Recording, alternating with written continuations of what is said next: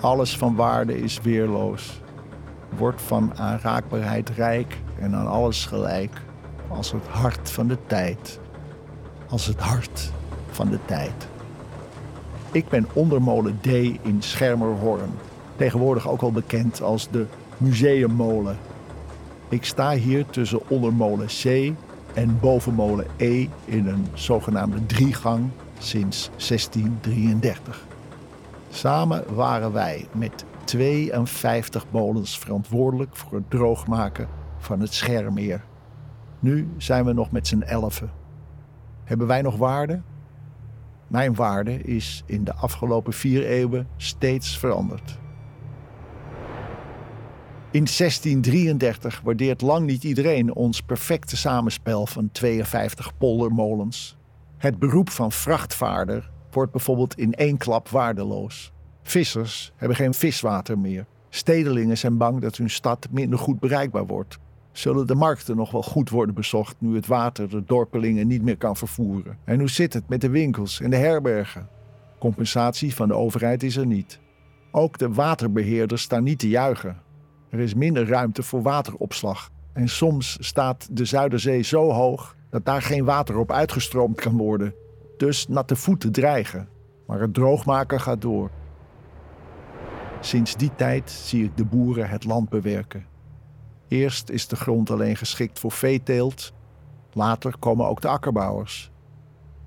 De poldermolenaar houdt het hier droog. Dat is een lastige klus, want er is een continue discussie tussen waterbeheerders en boeren over hoe hoog de grondwaterstand moet zijn. Maar zo heb ik wel honderden jaren grote waarde in deze samenleving. De polder en ik lijken voor altijd met elkaar verbonden. Totdat eind 19e eeuw de nieuwe industriële revolutie uitbreekt. In de Beemster gaan ze al heel snel over op stoomgemalen. Maar het systeem van de molens is hier zo perfect dat de bestuurders in de schermen op ons molens blijven vertrouwen. De boeren zien dat alleen anders. Zeker als er in 1915 een arbeidstijdenwet komt, waardoor molenaars niet meer 24 uur per dag mogen werken. Het wordt tijd voor mechanisatie. Ze gaan hier over op elektriciteit. En vanaf 1929 ben ik ineens werkloos. Geen waarde meer. Wij molens zijn ineens alleen maar werktuigen. Na de oorlog komt er nieuwe waardering. Ik word een toeristische trekpleister. Icoon van Holland. Bezongen, beschreven, geschilderd. Zo blijf ik behouden. Ik ben meer dan een werktuig. Ik heb waarde. Ik waak over het land. En dat is ook nodig. Er zijn nieuwe problematieken. Klimaat, stikstof, gebrek aan biodiversiteit. Houden we het nog steeds droog hier? En waar moeten de mensen wonen? Dus waar kijk ik over uit over 100 jaar? Wie ben jij? Ik ben Fred. Fred! En jij bent de molenaar. Ik, zeggen ze ja. Ja, ik ben Roos. Dag Roos. Kan je iets vertellen over deze molen? Nou ja, dit is een van de oorspronkelijk 52 schermenmolens die in 1633 in een jaar tijd dat meer hebben drooggelegd, de Schermeer. Ja, En tot 1929 hebben we droog gehouden. ja, Dus dit is eigenlijk een stukje eh, geschiedenis wat hier staat te draaien. ja. Mooi staat te pronken, uit de Gouden Eeuw. Ja, het is prachtig. Ja. Zelfde tijd als die nachtwacht geschilderd is, is dit ook geschatteerd. Ja, ja toen konden we wel wat. Ja. Zeg, ehm, en, en is hij ook nog functioneel? Of is dit echt alleen, ehm, of is het echt gewoon historisch erfgoed, zeg maar? Nou, het is historisch erfgoed. En op papier noodbemaling. Oké. Alleen er is nooit geen nood. Is er nooit nood? Nee, elektrische bemaling is zo perfect tegenwoordig. Maar stel je voor, Stel je voor dat het echt een keertje hommeles is. dan kunnen ze je we, bellen. we kunnen we een beetje bijspringen. Kun je een beetje bijspringen, ja. we kunnen het niet precies. meer droog houden, want we 52 en nu hebben we er 11. En van die 11 zijn er eigenlijk maar 6 inzetbaar. Molens. Er Ja. zijn gewoon veel minder molens, bedoel je? Minder molens. Oh, Ja. En het gaat er ook om, eh, is er ook volk wat ermee om kan gaan. ja, Dat is ook belangrijk. ja. Er zijn misschien ook Ja. minder molenaars. ja, ja, Ja. maar ook kundig. kundige molenaars. Wat wil je de mensen nou het liefste laten zien, meegeven?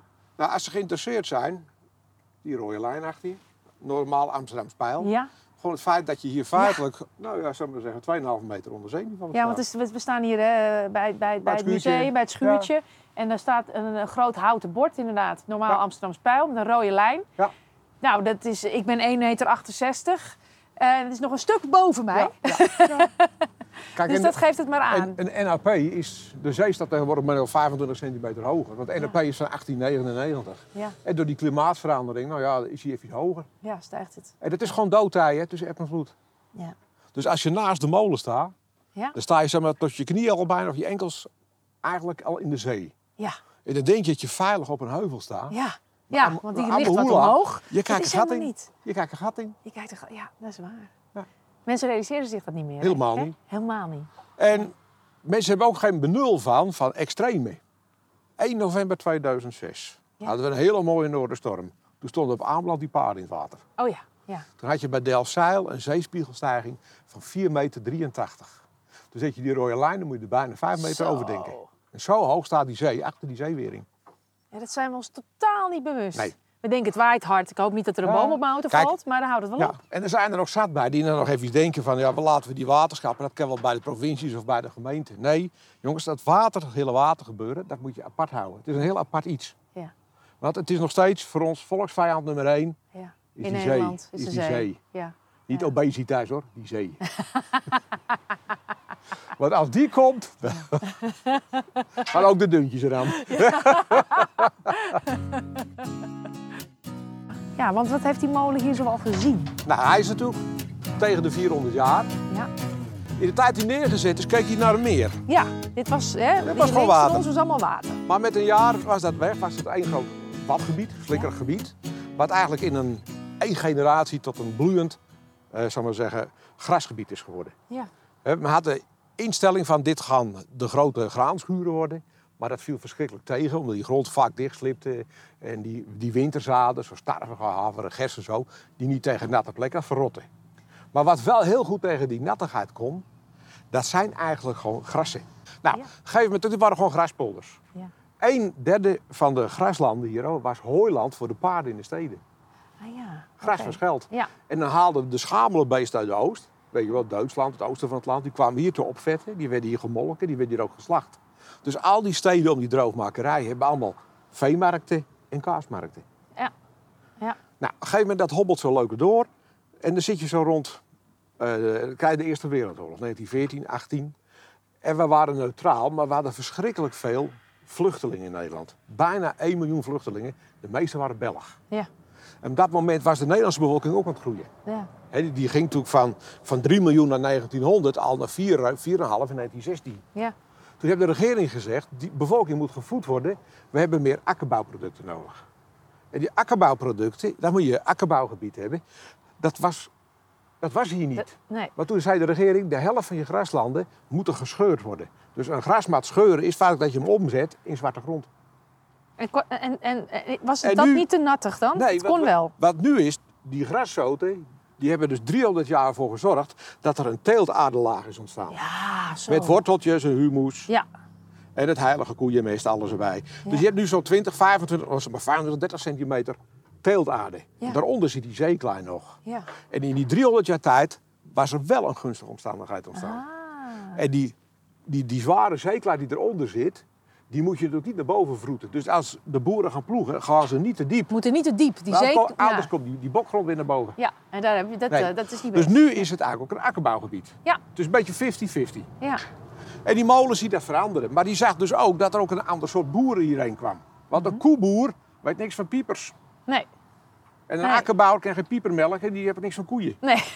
Dus je kreeg een heel ander soort volk. Er kwamen heel veel volk hier van de Zuid-Hollandse eilanden, dus Zeeland. De familie Rijk, de familie Messu, Barendrecht, de familie van den Burg. waren allemaal ge- uit, zeg maar zeggen, uit het zuidwesten van het land. Die, kwamen kwamen hier. naar deze kant op Ah ja, en die gingen akkerbouw plegen. ja, Nu weet je hele grote velden met spruitjes. ja, Hele grote velden met broccoli, met kool. ja.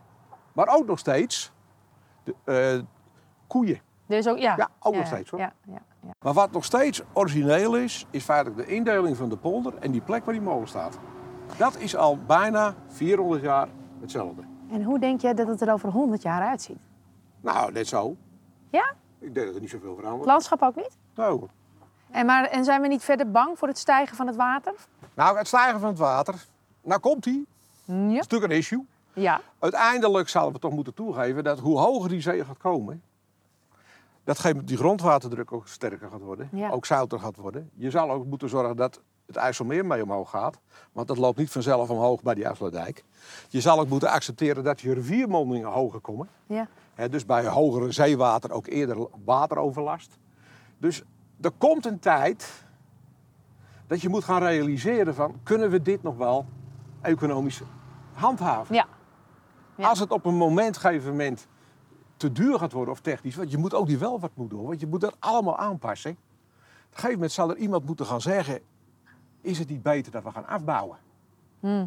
Maar dat kan misschien duizenden jaren duren. Ja. Dus we moeten een beetje lief naar die oosterbuur kijken, want die woont, die woont even hoger. Ja. Het moet weer komen, Ja. uiteindelijk. Nou ja, het is weer Duitser. Staat al in het volkslied. Waarvan, waarvan acte?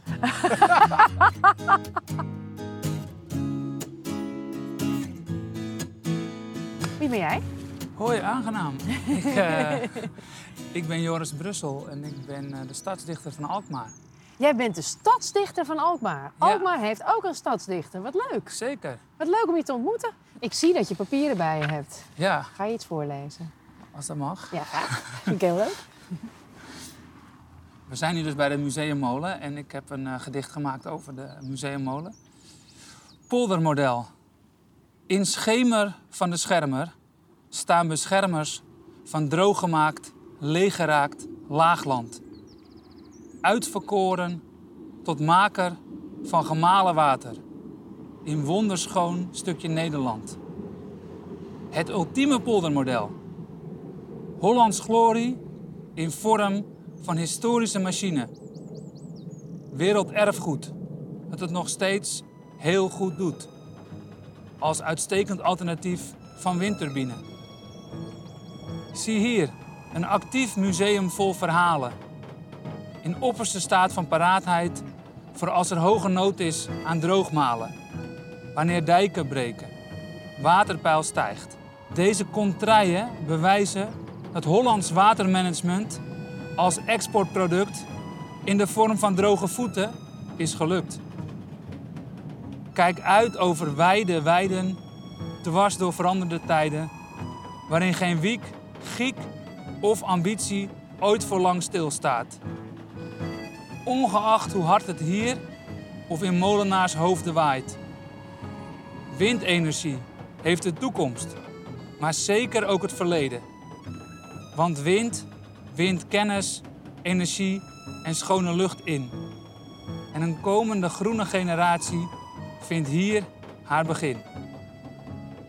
Het motto dat hier voorheen, voor later en voor eeuwig luidt: altijd, te alle tijden, volle windkracht vooruit. Nou, ik, ga, ik app- applaudisseer voor je. Dankjewel. Wat goed. Ga maar vooruit, ik houd wel koers. Ik stuur wel bij, ja ik stuur wel bij. Leid me naar dorpen, meren en steden. Blaas me over dijken heen. Waai me vooruit, waai mij vooruit. Toon mij vergezichten die ik nog niet ken. Ik houd wel koers, ja ik stuur wel bij. Waai mij vooruit.